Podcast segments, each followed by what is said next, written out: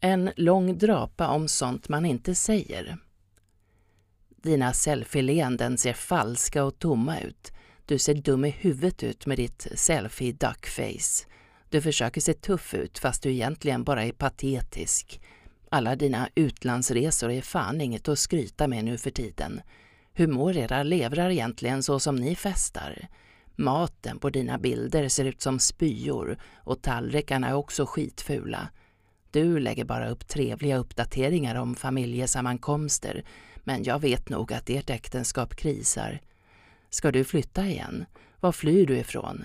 Söker du jobb igen? Inse att du aldrig kommer få något. Börja plugga, nu. Hajar du inte att det är kört? Du är för gammal. Du ska fan inte klaga på att du har ont om pengar, som du röker, festar, färgar håret, köper smink. Fy fan vad du är fet, du borde banta. Ska du ta livet av dig nu igen, haja att man inte tror på det där längre. Låna ut pengar till dig? Nej du, jag vet nog vad det skulle gå till och att du aldrig skulle betala tillbaka. Har du blivit ihop med den där snubben igen? Skyll dig själv för fan. Ännu en träningsbild.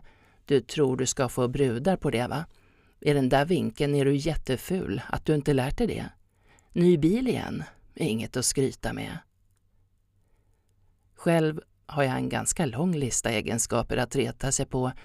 Jag vill verka avundsvärt frigjord när jag berättar om våra utomäktenskapliga förbindelser, skryter om och överdriver gärna mina sexuella eskapader.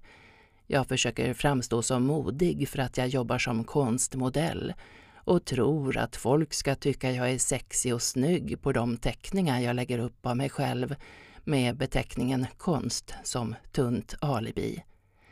Fast jag egentligen har stor mage, stora kantiga fötter och vulgära bröst med de där groteska bröstvårtorna och som inte längre är tillräckligt snygga för att passera utan bh.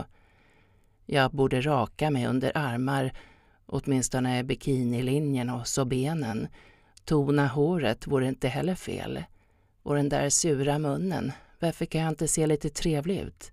Och den blämmiga hyn som en chipsätande ungkars. Jag tror vi framstår som så himla jämställda när jag berättar hur jag sågar med motorsåg och Janne lagar mat. Jag hoppas det märks hur skönt bohemiska vi är när jag lägger upp avslappnade bilder på vårt skärmigt stökiga hem. Jag vill det ska märkas att jag inte räds grupptrycket när jag lägger upp bilder på vårt skitiga golv. Jag hoppas framstå som macho när jag skryter om mina renoveringsprojekt och manligt kodade sysslor.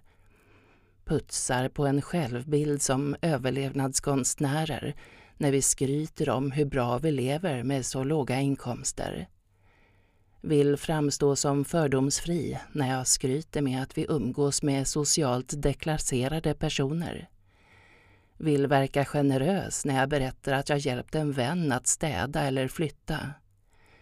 Vårdar en image av enstörighet parallellt med den som generösa sällskapsmänniskor med en vid krets av excentriska vänner.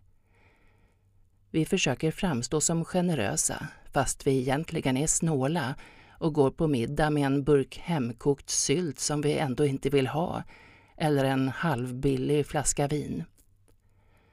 Vill framstå som miljövänliga när vi inte reser och inte har någon bil fast det egentligen mest handlar om att vi inte har råd.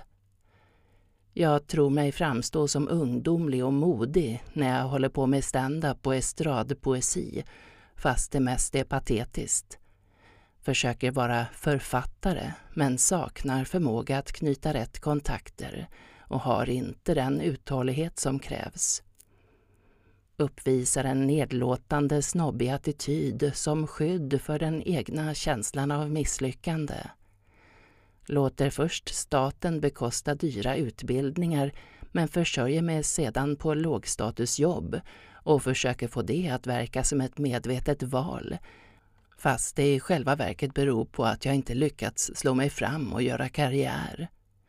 Har även låtit skattemedel bekosta långtidssjukskrivningar med psykiatriska diagnoser som ursäkt för att slippa anstränga mig och jobba för brödfödan som alla andra.